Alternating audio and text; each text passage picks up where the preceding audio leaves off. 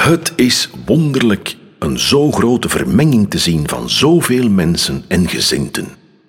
Deze verbaasde uitspraak over Antwerpen staat in een bestseller. Een boek dat vanaf 1567 meer dan 60 keer wordt uitgegeven, ook door Plantijn. De titel Description de tous les Pays-Bas, beschrijving van de hele Nederlanden.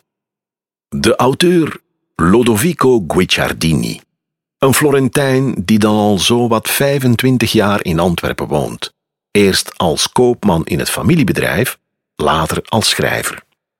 Wie wil weten hoe mensen in de 16e eeuw in de Vlaamse en Nederlandse steden leven, en zeker in Antwerpen, kan bij Guicciardini terecht.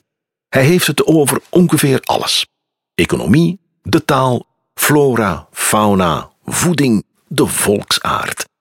En hij schrijft passioneel over wat steden aantrekkelijk maakt. Plantijns uitgave van Guicciardini's boek bevat stadsgezichten en kaarten. Daar raakt hij aan via Abraham Ortelius, vriend van het huis en maker van de allereerste wereldatlas ooit. Andere steden zien hier een kans voor citymarketing, zoals Utrecht en Leiden. Zij bieden de uitgever financiële steun voor het maken van hun stadsplan. Plantijn geeft veel wetenschappelijke werken uit. Meer dan een kwart daarvan zijn aardrijkskundige werken. De wereld wordt in de 16e eeuw intens beschreven en in kaart gebracht.